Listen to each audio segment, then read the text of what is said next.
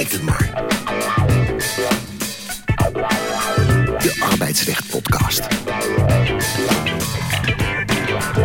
Gepresenteerd door Veer de Kostens. Nou, welkom bij de achtste aflevering van Je Bekijkt Het Maar. Wij hebben even zomervakantie genomen, uh, jullie misschien ook. Maar we zijn weer terug met onze tweewekelijkse podcast... waarin we de actualiteit van het arbeidsrecht doornemen. Uh, nou, tegenover mij zit Ronald Beltzer, hoogleraar arbeid en onderneming. Hoe was jouw zomer, Ronald? Enerverend wel, ja. Ik heb uh, behoorlijk wat uh, verbouwd. Tussendoor even naar New York geweest. En die verbouwing gaat nog steeds door. En nou, ik hoop dat dat snel is afgerond. En in de tussentijd hebben we in de zomer, een hele slechte vergelijking, maar hebben we ook gezien dat de arbeidsmarkt moet worden verbouwd. En allemaal dingen voorbij gekomen. Dus daar gaan we de komende weken nog het heel veel over hebben, denk ik. Perfect, want we zijn er gewoon weer iedere twee weken. En uh, Boudewijn Kane zit naast mij, advocaat bij Liberdoc. Heb jij ook zo'n enerverende zomer gehad? Nou, misschien iets minder enerverend dan Ronald. Geen verbouwingen gehad. Uh, maar wel lekker uh, ook een weekje Noord-Frankrijk en Nieuw-Zeeland met het mooie weer. Was dat goed toeven. Dan gaan we naar onze brandende kwestie. En die gaat over de FNV. Die luidt een noodklok. Op de voorpagina van het FD stond zelfs een groot stuk. Uh, en ze kopte: werkgever gaat zieltjes winnen voor leeglopende vakbonden. En ja, vakbonden waren al nooit echt de jongste, maar vergrijzen nu ook nog sneller dan de bevolking blijkt. En ja, het was dus al niet heel representatief en nu nog minder. En waarom is dat een probleem? Beetje een schot voor open doel, maar toch. Waarom is dat een probleem? Ja, nou ja, zoals je al aangeeft, dat eh, de vergrijzing bij uh, in dit geval specifiek de FNV harder gaat dan de vergrijzing van de beroepsbevolking, die op zich al heel snel gaat, ja. uh, is natuurlijk zorgelijk. en waarom? Omdat wij in Nederland natuurlijk het poldermodel hebben. En dat wij voor een groot deel, nou ja, voor het arbeidsvoorwaardelijk landschap in Nederland afhankelijk zijn van cao's, die gesloten worden met vakbonden. Uh, maar ondertussen zijn er steeds minder mensen lid. Dus uh, veel mensen zijn nog wel uh, gebonden aan de CO, omdat dat nou eenmaal in een arbeidsovereenkomst staat. Oh ja. maar... dus, dus, dus, het kan nog zelfs nog minder zijn dan de leden. Dat er sommige mensen ook een soort van lid zijn zonder dat ze doorhebben. Ja, nou ja, de, de incorporatie heet dat. Dan, dan, staat er in de arbeidsovereenkomst dat de werknemer gebonden is aan een CO, die dan met, bij name genoemd staat. Um, maar het gevolg is wel van ja, uh, tijdens die onderhandelingen worden daar voldoende alle belangen van alle uh, werknemers in Nederland uh, vertegenwoordigd. Of gaat het alleen om nou ja, met name de, de oudere garde die lid is van de vakbond. Ik geloof, gewoon het hadden het erover, 55 plus is 46 procent. Ja, ja, ja, ja. Dus uh, ja, dat is wel een, een zorgelijk iets. En dat heeft de AWVN, uh, de werkgever gaat zieltjes winnen. Uh, de werkgeversorganisatie die ziet dat ook onder ogen. En die wil dat ledenaantal eigenlijk toch ja, wat zien stijgen. Ja, maar dus zieltjes winnen is, is één oplossing. De vraag is of dat gaat lukken. Uh, zijn er andere oplossingen? Nou ja, niet echt. Dat is het probleem waar al jarenlang tegenaan gelopen wordt. Uh, er wordt natuurlijk wel gesproken over afspraken met de ondernemingsraad. Uh, er wordt nog wel heel erg verschillend over gedacht of dat nou, of die voldoende capabel zijn om de rol van de vakbonden over te nemen. Of ze voldoende onafhankelijk zijn van de werkgever. Ja, precies. Daar hebben we een keer eerder over gehad. Uh, ja. Ja. Of ze kunnen ze professioneel zijn. Ja, precies. Uh, en dat verschilt eigenlijk ook per bedrijf. Hè. Je hebt hele professionele ondernemingsraden, maar je hebt ook ondernemingsraden voor wie het allemaal nieuw is. En ik kan me zo voorstellen dat bij, juist bij grote bedrijven die ondernemingsraden wat professioneler zijn, of gaat dat niet op? Ja, meestal wel. En uh, daar spelen dit soort trajecten vaker, uh, hebben er dus vaker mee te maken. Hebben ook vaak betere mogelijkheden om adviseurs te raadplegen. Alhoewel dat gewoon ook een recht is wat een ondernemingsraad heeft vanuit de wet. Maar goed, afgezien daarvan blijft natuurlijk staan dat een ondernemingsraad... die mensen zijn afhankelijk van hun eigen werkgever. Ja, klopt. Alhoewel, hè, we hadden, ook daar hadden we het van tevoren nog eventjes over. Uh, vakbonden die krijgen een deel van hun inkomsten ook vanuit ook de werkgevers. Van de werkgever, dus die zijn ook niet zo Oude vakbondstintje, ja, dat, kijk, ja. Als die AWVN zieltjes gaat winnen en er komen meer leden... ja, dan betalen ze dus eigenlijk ja. nog meer voor die bonden. En, en, en als bonden afhankelijk worden van werkgevers aangesloten bij de AWVN voor hun leden... Ja. dan krijg je wel een hele opmerkelijke situatie natuurlijk, waar eh, twee uh, partijen die uh, tegenstanders zouden moeten zijn tot een mooi midden moeten komen. Waarbij de een in feite dan de andere voor een deel onderhoudt. Maar goed, als wij allemaal, met name het jongere deel van de bevolking, geen lid is van een vakbond, dan is het toch gewoon onze eigen schuld dat we geen goede voorwaarden regelen. Want wij willen zelf niet lid zijn van die vakbond. Dat klopt. Dus dan vraag je je af, waarom doen werkgevers dat? Nou, dat, heeft, dat heeft in feite ook een juridische reden. Ehm, een CAO is heel makkelijk. Die gooi je in je bedrijf. Ik zeg het even een beetje, een beetje eenvoudig. Ehm, en dan is iedereen eraan gebonden. Want de rechtspraak is ook, als jij zo'n incorporatiebeding heeft, wat Boudewijn terecht zegt, dan is iedereen eraan gebonden. Er zullen weinig werknemers zijn die bij het tekenen van hun contract zeggen, maar... Alleen als het slechter wordt, ja, dan, dan hoor je ze piepen en dat, dat gebeurt niet zo vaak. Er is bijna altijd een loonstijging. Alleen in de begin jaren tachtig hebben we dalingen gehad. Nou, toen hadden we ook meteen grote stakingen. Ehm, maar die, die werkgevers hebben belang bij cao's. Um, de, want dan hoeven ze niet met iedereen afzonderlijk te onderhandelen. Dat moet wel als je met een OR praat, want een OR bindt niet. Nee. Er zijn er wat constructies voor, maar die zijn allemaal een beetje, een beetje shaky. Hè? Dat, dat, dat zei jij, daar hintte jij volgens mij ook op. Uh, dus die, die, die willen dat. Dus het uh, maakt het werk van de HR-mensen een stuk makkelijker? Ja, ja, zeker. Maar als je dat dus combineert met het feit dat het vooral 55-plussers zijn die de dienst uitmaken bij de bond. En bonden zijn verenigingen. Dan moeten ze dus opkomen voor, de, voor die belangrijke groep. Uh, en dat gaat dus over, uh, zoals ze dat noemen, oude lullendagen. Dat gaat over een goed pensioen ja. en duurzame inzetbaarheid. Gaat niet over, en dat gaat niet over leuke dingen voor jonge mensen. En, nee. sabbaticals. nee, daar gaat het inderdaad niet over. En dat is natuurlijk wel bezwaarlijk, want diezelfde... Dus daarom hebben wij nog steeds zo weinig vaderverlof. Misschien speelt daar nog iets anders, maar het zou zomaar kunnen. Het helpt niet, zal ik je in ieder geval verklappen. Kijk, want dit zijn ook zaken die op nationaal niveau worden behandeld. We hebben diezelfde bonden zitten in de SER en de Stichting voor de Arbeid. Uh, dus daar, uh, ja, dat, dat komt dan in, in, in onbalans. Ja, daar zit maar ja, nogmaals, uh, wat is wel een oplossing? Ja. Want, nou ja, goed, dat is misschien mijn persoonlijke... Ik, ik geloof niet zo heel erg in dat zieltjes winnen voor die vakbonden. Ik denk niet dat we daar binnen nu en een paar jaar enorme stijging gaan krijgen. Jullie wel? Nee, dat zie ik ook niet zo 1, 2, 3 gebeuren. Maar wat dan wel? Ja, ja dat is lastig. Diepe zucht. Ja, ja, dat is niet goed. Dat is geen goed teken. Je, zou wellicht kunnen denken aan... Hè, vroeger hadden we bij de bedrijfscommissies... Hè, dat je uh, toch een soort van vast orgaan uh, misschien uh, introduceert... dat nou eenmaal onderhandelt over, over arbeidsvoorwaarden... Uh, zonder dat die echt gebonden zijn uh, om hun ledenbelangen echt te behartigen, maar meer het algemeen belang van uh, nou ja, de bedrijfstak waarvoor ze zijn ingesteld. Ja. Wellicht ook met een afvaardiging, bij wijze van spreken, vanuit een OR als het om een bedrijfstak CEO of een bedrijfs-CEO gaat. maar eenvoudig is die oplossing niet, want er wordt al jaren over gesticheld. Ja, je, hebt er, je hebt er wel een paar. Je kunt bijvoorbeeld, dat is het Franse systeem, daar is nog geen 8% lid van, van een vakbond. Dan kun je in feite op nationaal niveau. Ja, dat wel. ja. Maar dat heeft misschien weer een andere reden. Misschien een beetje de Franse cultuur. Um, daar is, zijn maar heel weinig mensen lid van een vakbond. Maar daar wordt op nationaal niveau worden gewoon de bonden aangewezen die geacht worden representatief te zijn. En dat is dus wel een beetje noblesse oblige. Als jij wordt aangewezen, dan moet je dus ook je beste voor doen dat iedereen uh, vertegenwoordigd wordt. Een andere optie, die zie je ook natuurlijk, uh, de, zeker bij uh, de opkomst van het internet steeds vaker Klinkt een beetje fossiel nu, want het internet bestaat natuurlijk al heel lang. Uh, maar wat ik wil zeggen is dat je ook, uh, bij wijze van spreken, met een actie op Facebook of LinkedIn het personeel kan verzamelen. Dat dan afgevaardigden stuurt om met de werkgever te onderhandelen over toch een CAO. Want iedereen kan een vakbond oprichten.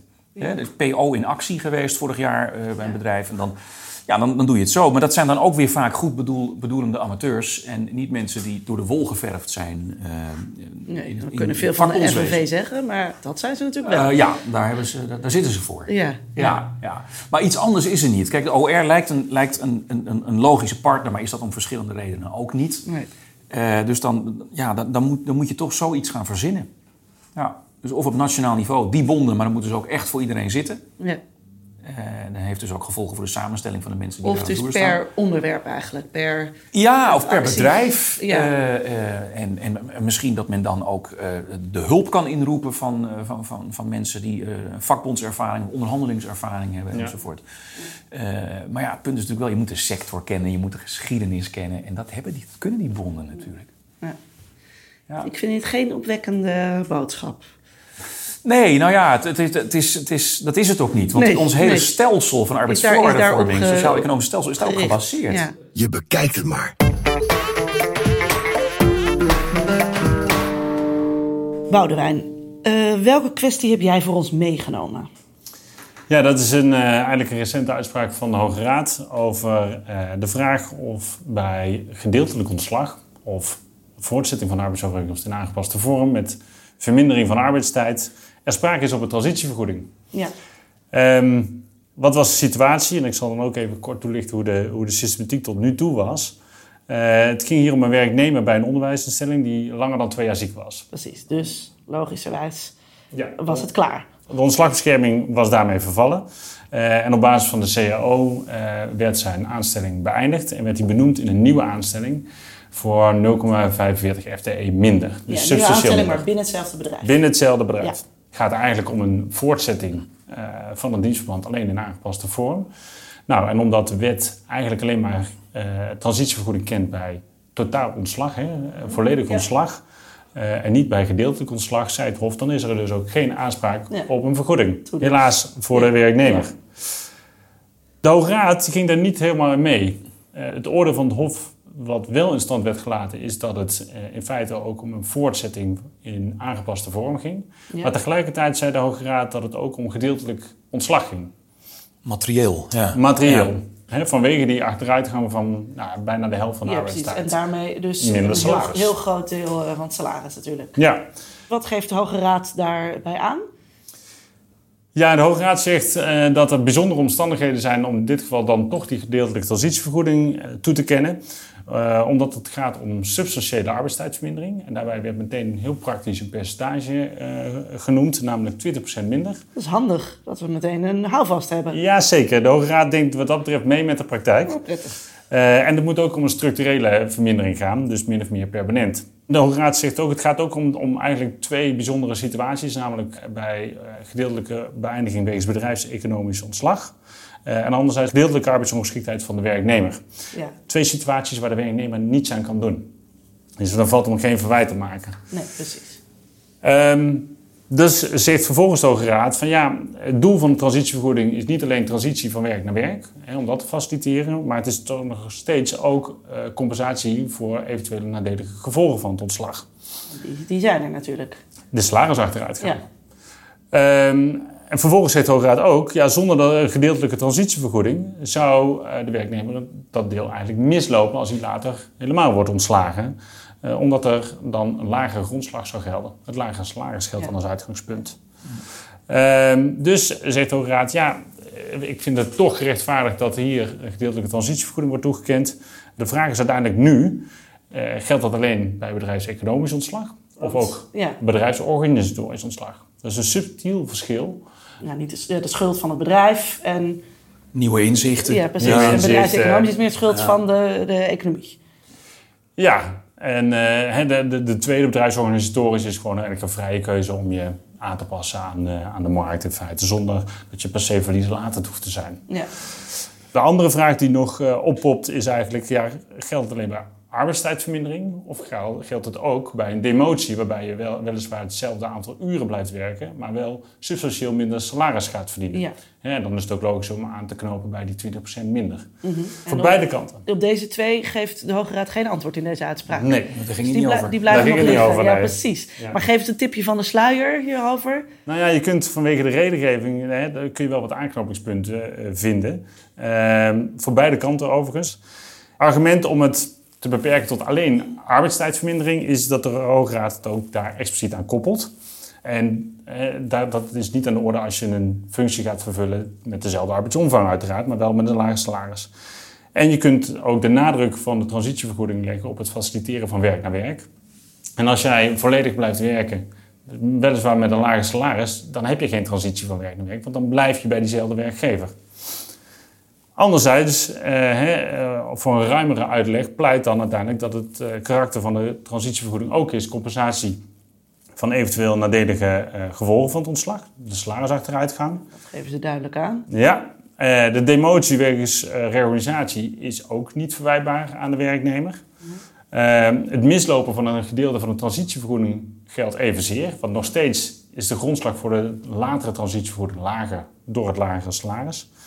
Uh, en een ander argument is misschien niet zozeer juridisch, Maar een ruimere uitleg zou er ook toe kunnen leiden dat werknemers misschien eerder geneigd zijn om ook niet passende arbeid bij een reorganisatie te gaan aanvaarden. Ja. Tegen een lager salaris. Ja. omdat ze dan wel een, nou ja, een appeltje voor de dorst krijgen in de vorm van een gedeeltelijke transitievergoeding. Dat is dus als je naar het algemeen belang kijkt, zou dat gunstig kunnen zijn. Nou, dat is wat je hoopt dat een rechter doet, naar het algemeen belang kijken. Ze moeten wel elke keer uitrekenen dat het 20% is. Hè? Dus een halve dag minder werken is niet interessant. Of 15% minder salaris. Je moet dan al echt gaan sturen als werknemer. Ja, precies. Ja, ja, ja, dan ga je daar inderdaad op sturen. Ja, inderdaad. Ja. We zitten nu dus te wachten op volgende zaken eigenlijk. Ja, maar ik denk dat uh, de Hoge Raad inderdaad wel duidelijkheid heeft verschaft op een uh, belangrijk onderdeel, maar dat er inderdaad nog zaken zijn in te vullen. Uh, en dat gaat ook weer een rol spelen in onderhandelingen met individuele werknemers over een beëindigingsovereenkomst. Want die gaan natuurlijk ook de, deze kwestie interpreteren ja, en dat gebruiken in onderhandelingen. Ja, natuurlijk. Ja. ja. Oké. Okay. dank voor deze brandende kwestie.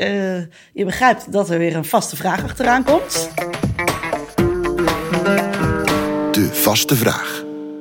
De stoel van welke rechter zou jij wel willen zitten? Is er een uitspraak komende tijd waar je denkt, daar zou ik wel eens... Nou, niet een concrete uh, kwestie die nu uh, ergens voor ligt, voor zover mij bekend. Maar welke zaak ik toch wel graag zou willen beoordelen, is eigenlijk de situatie bij overgang van onderneming in combinatie met een CAO met terugwerkende kracht. Um, wat gebeurt er bij overgang van onderneming? Er wordt op het moment van overgang eigenlijk een foto gemaakt van de arbeidsvoorwaarden die op dat moment gelden. En die gaan mee over naar de verkrijger. Um, maar toevallig had ik laatst een case bij de hand waarin uh, kort nadien een nieuwe CAO werd afgesproken die terugwerkte tot het, voor het moment van overgang. En de vraag is dan, uh, omdat het terugwerkende kracht is, gaan dan de betere arbeidsvoorwaarden uit die CAO toch mee over naar de verkrijger? Ook al is die CAO pas later afgesproken. Of moet je zeggen, uh, ja, nee, dat gaat te ver. Uh, de verkrijger was geen partij bij die onderhandelingen. Die had dus ook geen invloed op die terugwerkende kracht. en dat kun je dus eigenlijk niet van iemand verlangen, van een verkrijger van, verlangen. Hij kon het niet weten toen hij het kocht. Hij kon het niet weten toen hij het kocht. En, en, en, en wat zou jij dan voor uitspraak ik neig ernaar om, om uh, die betere arbeidsvoorwaarden in dat geval eigenlijk niet meer over te laten gaan. Want inderdaad, hè, wat Ronald zegt, de verkrijger kon het niet weten wat de situatie zou zijn uh, toen hij het kocht. Uh, bovendien geldt er ook een zware informatieplicht. Hoe kun je daar nog invulling aan geven op het moment dat je niet weet wat er in de toekomst gaat gebeuren, ook al is dat met terugwerkende kracht? Uh, maar ook vanuit werknemersperspectief, hè, want dan zou het omgekeerde ook moeten gelden. Als dan de arbeidsvoorwaarden hè, met de standaard CO bijvoorbeeld minder zouden worden, dan zouden die ja, minder arbeidsvoorwaarden overgaan. Ik vroeg me af, ben je dan op de hoop van de werkgever? Maar dat geldt dus ook andersom. Als het, als het minder uh, zou worden, die CAO. Dus het, staat, uh, ja, het lijkt mij in strijd met de rechtszekerheid uiteindelijk om dat toe te laten. Ja. Oké, okay, dankjewel. Nou komen we bij onze uitspraak. De uitspraak. Elke aflevering bespreken we een zaak die stof deed opwaaien, tegen alle trends ingaat, een bijzondere betekenis heeft of op het punt staat net zo beroemd te worden als je bekijkt het maar. um, die gaat, zoals vaker, over ontslagrecht. Uh, iemand is ontslagen, op staande voet, gaat procederen, krijgt van de rechter gelijk. Het loon moet worden doorbetaald. Maar in hoger beroep krijgt de werkgever gelijk. En wat doen we dan met dat doorbetaalde salaris? Vat ik het zo een beetje samen? Ja, uitstekend. De, dus eerste, klaar. de eerste drie zinnen heb je al helemaal voor me verteld. Maar dit was wel een, eh, een heel lastige kwestie. Uh, of dat is hij eigenlijk sinds 2015, eh, toen die WWZ tot stand kwam. Nou, vroeger was het zo, heel simpel. En zo kun je het ook aan, aan iedereen uitleggen aan de borreltafel. Als je hebt gewonnen, hoef je niet te betalen. Dus als je als de werknemer in eerste instantie wint He, mocht geen ontslag op staande voet en de, werk, en, en de werkgever gaat in beroep en die wint, dan zei dus vroeger de rechter, nou met terugwerkende kracht geldt dan dat dat ontslag op staande voet geldig was. Mhm. Dus mocht jij in de tussentijd loon hebben betaald, dan is dat onverschuldigd, dan kun je dat terughalen. Ja. Nou, wat zegt nou het systeem van de WWZ, de Wet Werk en Zekerheid? Dat uh, kijkt niet naar waarom je bent ontslagen, dus ontslag op staande voet of andere redenen. Er zijn nog veel meer andere redenen ook, discriminatoren enzovoort. Uh, die wet zegt simpelweg, je kunt niet meer in hoger beroep uh, met terugwerkende kracht dat ontslag effectueren. Dus als nu een hof, zoals jij uitstekend verwoordde, in appel zegt... Ehm, oké, eh, werkgever, je had gelijk. Je had op staande voet mogen ontslaan. De kantonrecht heeft het verkeerd gezien. Mhm. Ja, wij kunnen toch pas de arbeidsovereenkomst doen eindigen op een datum vanaf nu. Okay. Dus dan krijg je de pijnlijke situatie dat je als advocaat je werkgever moet uitleggen. Uh, u hebt wel gewonnen. En dat had u eigenlijk altijd al, een jaar geleden al toen u ontsloeg. Maar u moet wel over die tussenliggende periode betalen. Maar, maar wordt u niet automatisch doorbetaald in die tussenliggende periode? Of wordt dat vastgehouden? Nou ja, dat hangt een beetje van de omstandigheden af. Ehm, kijk, als je in eerste instantie hebt verloren als werkgever, dan zou ik volgens mij wel adviseren dat je wel doorbetaalt. Uh, want uh, een werknemer kan ook gewoon een loonvordering indienen natuurlijk. Precies, ja. Uh, dus dat, um, dat zal in veel situaties zo zijn. Maar je hebt natuurlijk wel een claim dan nu als werkgever... na deze uitspraak die we zo gaan behandelen... Mm -hmm. om dat terug te krijgen. Um, nou, er is enorm veel hierover geschreven. De, de conclusie van de procureur-generaal is bijna een, een, een, boekje geworden, een uitgave. leuk. Uh, je kon ook uh, er is heel veel discussie over. Ja, wie weet. Ja. uh, het zou zomaar kunnen. en zal ik de casus eerst even beschrijven die hiertoe uh, heeft geleid? Ja, dat is goed. Nou, het ging hier om een, om een boekbinder. en die, of iemand die werkt bij een boekbinderij. Boekbinder, thema. En ja, ehm, we blijven dicht bij huis inderdaad. Nou, wat, wat, wat geldt daar binnen dat bedrijf? Je mag boeken mee naar huis nemen, maar er moet wel even een stempeltje of een handtekening van de leidinggevende in. Nou, dat lijkt me vrij gebruikelijk, hè, want dat, anders neemt iedereen zomaar van alles mee. Er zijn ook zeven jaar lang memo's over gestuurd van wat de regels zijn. En dan toch neemt deze werknemer drie boeken mee in zijn rugzak en vervolgens in de kofferbak van zijn auto. En er zit geen stempel in en ook geen handtekening. En twee leidinggevenden de chef eindproduct en de manager binderij... die zeggen, maak eens open die kofferbak. hey, drie boeken, mogen wij even kijken? Want die kwamen hem tegen op vakantie? Of, Ik denk dat ze al een, uh, een, uh, een, vermoeden hadden. Het lijkt een beetje op die zaak Hema Prins van een aantal jaren geleden... die elke arbeidsrechtdeskundige kent van die man die twee blikken motorolie... Uh, meeneemt van de HEMA op zijn afscheidsfeestje... en dan alsnog wordt ontslagen op staande voet. Heel pijnlijk, kom je zijn fut mislopen en zo, maar goed. Ehm, hier gebeurt dus iets vergelijkbaars. Hij wordt gesnapt en op staande voet ontslagen. Kantonrechter die zegt dan, of oordeelt dan, dat dat ontslag op staande voet niet geldig is. Nou, een ontslag op staande voet, moet je weten, is aan heel strenge eisen uh, gebonden. Dus het kan zo zijn dat iemand het gedaan heeft, maar dat je bijvoorbeeld je brief niet duidelijk is. Dat je te laat iemand op staande voet hebt ontslagen omdat je een paar dagen hebt gewacht. Ja, uh, dat je, uh, uh, je beleid niet duidelijk is. Ik zeg niet met een reden, dat zal ik zo, zo uitleggen. Want die zeven jaar aan memo's, die waren. Nou, dat, nou ja, goed. nou, dat, dat, dit is altijd een afweging, maar een ontslag op staande voet is een ultimum remedium. Dus het moet echt helemaal kloppen. En daarom is het ook zo lastig om dat voor elkaar te krijgen. Nou, in ieder geval, ehm, de werkgever verliest dus de zaak in eerste aanleg. Met andere woorden, de kantonrechter zegt: U bent nog in dienst. Nou, dan komt de zaak bij het Hof. Het Hof vindt wat anders. Dat zegt, nou weet je, uh, ik, ik vind dus wel dat er een geldig ontslag op staande voet is. En ik mag inderdaad de arbeidsovereenkomst alleen maar tegen een toekomstige datum eindigen. Maar je hoeft toch geen loon te betalen. Hm. Want er is nog een andere regel in ons burgerlijk wetboek.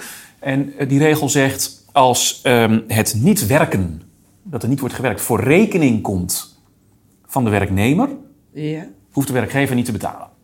Als je als werknemer in de gevangenis zit, hoef je geen loon te betalen. Want dat komt niet voor rekening van de werkgever. Oh ja, dat is, ja? Uh, ja? Nou, daar is wat voor te zeggen. Ja. Moet je niet aan ziekte denken, want dat hebben we juist wel geregeld. Dat staat ook expres één artikel na dit artikel. Dus okay, ziekte wordt wel betaald. Maar, maar een uitgangspunt, geen loon, geen werk, tenzij het voor rekening van de werkgever komt. Nou, het Hof zegt, ja, ik vind dit voor rekening komen van de werknemer.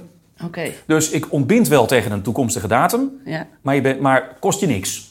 En, en, dit is voor het eerst dat dit zo. Uh, dat is, nou, er waren al wat meer hoven bezig met hoe ze dat konden doen. Er was ook een hof dat had geroepen: Ik vind het naar maatstaven van redelijkheid en billijkheid onaanvaardbaar. Dat is de soort nou, uiterste, uh, uiterste middel dat je hebt om, om eigenlijk een hele wet opzij te zetten. Uh, dit maar hof heeft dus uh, iets gevonden. Dit hof heeft het gegooid op nou ja, 627 en 628. Nou, dan komt de zaak bij de Hoge Raad. En de Hoge Raad geeft heel duidelijke regels. dus een mooi gemotiveerde uitspraak. Um, en dan zegt de Hoge Raad, ja, we hebben wel dat stelsel van de wet werk en zekerheid, dat je dus alleen maar tegen een toekomstige datum mag ontbinden. Maar voor ontslag op staande voet is dat toch een beetje oneerlijk. Uh, want de, hoe kun je het uitleggen? Hè? De, de, werkgever heeft dus gelijk gekregen. Er staat in de wet, hij heeft onmiddellijk de arbeidsovereenkomst kunnen beëindigen. Ja? Kan niet van hem gevergd worden om hem in stand te houden. Nou, dat mocht dus. Uh, en nou moet hij alsnog betalen. Dat heeft de wetgever gewoon niet onder ogen gezien. En daarom ehm, ehm, moet dat systeem in deze situatie dus nou, op een of andere manier zo gemasseerd worden dat er een redelijke uitkomst komt. Ehm, nou, dat, dat komt er dan. Want de Hoge Raad neemt uiteindelijk die uitspraak van het Hof over. Maar er zat nog wel een, een, een staartje aan waarin, uh, waarover ook heel veel is gediscussieerd. en dat gaat over de vraag: ja, komt dit wel voor rekening van de werknemer? Want een hele hoop mensen maken een vergelijking met schorsing. En die zaak wordt hier ook naar voren gebracht. Ehm, van de Gulik Vissers en Partners voor de kenners. Daarin heeft de Hoge Raad gezegd: wordt een werknemer geschorst en zit hij daarom thuis, dan moet de werkgever gewoon betalen. Mhm. Nou, veel mensen trokken in deze zaak een vergelijking daarmee. Ja, wacht even, die werknemer die, die, uh, die zit thuis, maar ja, hè, uh, dat komt toch voor rekening van de werkgever. Nee, zegt de Hoge Raad. Bij schorsing staat er niet duidelijk in de wet wat er moet gebeuren. Dus moet er loon betaald worden. Terwijl er bij ontslag op staande voet wel duidelijk staat. Want dan weet de werknemer dat. Die weet ook, de staat onmiddellijk ontslagen. Ja? Dat betekent dus dat je geen loon meer krijgt. Dus de werknemer is niet onwetend over het lot. Die over kan in lot, feite gewoon ergens anders gaan werken. Ja, als er een ontslag op staande voet is, dan weet hij wat hij krijgt. Nou, niks dus. Nee. Um, dus uh, de Hoge Raad zegt, nou, dit heeft de wetgever niet onder ogen gezien. Het heeft niks te maken met schorsing. Daarmee is, uh, dat lijkt niet spannend misschien uh, als je het zo hoort, maar het is voor dit, de praktici ja. heel belangrijk om dit Dus te deze weg is afgesloten. Dus die weg is afgesloten. Um, en dat, um, nou, dat kan dus op deze manier. Dus, dus de, de, de, scherpe kant van deze regel wordt afgehaald. Dan zegt de Hoge Raad nog, ja, het kan zo zijn dat, er toch, dat het toch een, meer, een beetje in de risicosfeer komt van de werkgever. Het hangt af van de reden van het ontslag, hoe die heeft gehandeld enzovoort. Nou, dat moeten we dan maar zelf invullen.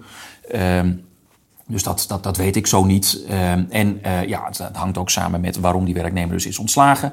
Je hoeft namelijk niet per se heel verwijtbaar te zijn voor een ontslag op staande voet. Hè. Uh, dronkenschap is soms een ziekte, maar kan wel een reden zijn voor ontslag op staande voet. Ja, Volgens mij hebben we dat al eerder bij de hand ja, gehad. precies. Ehm, en ook nog een alternatief is voor de fijnproever de loonmatiging die in artikel 680a van het BW staat. Dus nou, op deze uitspraak hebben heel veel mensen gewacht. En um, ik denk dat het een heel goede uitspraak is. Een, een dappere uitspraak. De uh, uh, conclusie van de advocaat-generaal was anders. Die zei, je moet dat gewoon doorbetalen.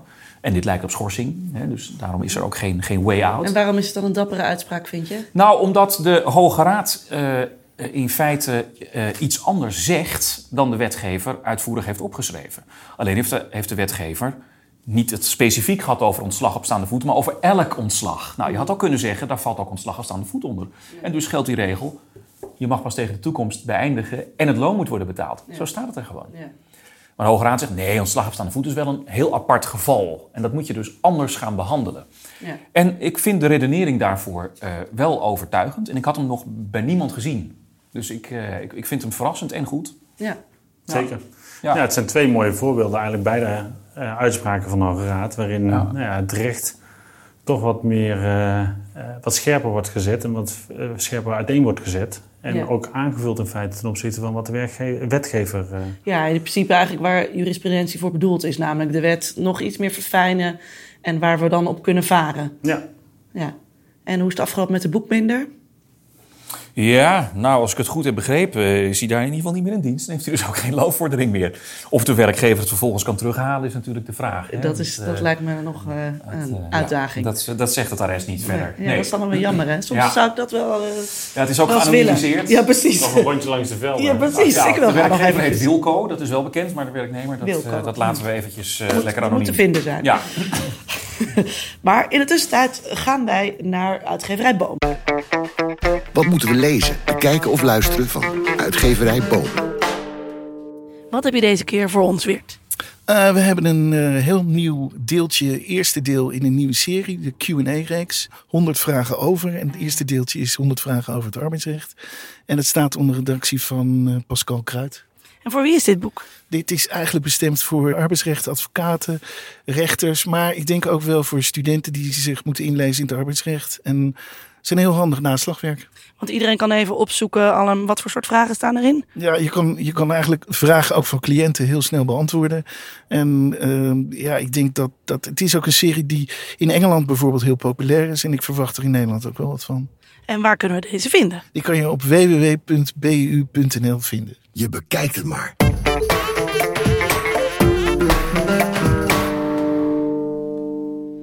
Ronald, dan hebben we nog een vaste vraag voor jou. Um, het nieuwe universitaire jaar is weer begonnen. Welke arbeidsrechtelijke denker ontbreekt nooit in jouw arsenaal? Oftewel, wie, wie bewonder je enorm in het vakgebied? Ja, het probleem is, er zijn allemaal geen hoogleraar meer. Uh, ik, uh, ik vind dat uh, wie verder wil in het arbeidsrecht, dat hij echt het proefschrift van de Guy Fortman moet lezen over de onderneming in het arbeidsrecht. En van Tijman Koopmans over de, over de definitie van de werknemer. Wat nu ontzettend actueel is natuurlijk met die hele discussie over wie wel en niet als werknemer beschermd moet worden. Het zijn wat oudere boeken uh, van twee uh, originele denkers. En, originele dus denkers. Die, ja, ik geef ze ook wel eens cadeau. Ik vind het heel goede boeken nog steeds. Ja. Nou, leuk. Dat is huiswerk voor ons allemaal. Mooi. Ja, dat was hem alweer. En dus ik bedank mijn gasten, Ronald Beltzer en Boudewijn Kanen. Fijn dat jullie de actualiteiten in het arbeidsrecht met ons wilden bespreken. Uh, nou, deze podcast, je bekijkt het maar, van een Boom Juridische Uitgevers, is er weer over twee weken. Met Michiel Kolen, die is dan bij ons te gast. Uh, nou, voel je uiteraard vrij om degene die je bekijkt maar nog niet kent, onze podcast aan te raden. Dat, uh, dat vinden we helemaal niet erg. Ook niet erg vinden we als je een recensie achter wil laten op iTunes of Stitcher. Um, je mag ons aanraden aan je arbeidsrechtelijke vrienden via Twitter of LinkedIn. Laat weten welk onderwerp je graag wil dat we bespreken. Uh, je kunt bijvoorbeeld uh, via LinkedIn Ronald Beltzer vinden of mij, Veerle Korstens. Of Boudewijn Kanen, mag ook, zeker. En um, ja, ik was weer jullie host, Veerle Korstens. De montage deed Arno Peters. En we horen je graag weer bij de volgende aflevering van Je bekijkt het maar.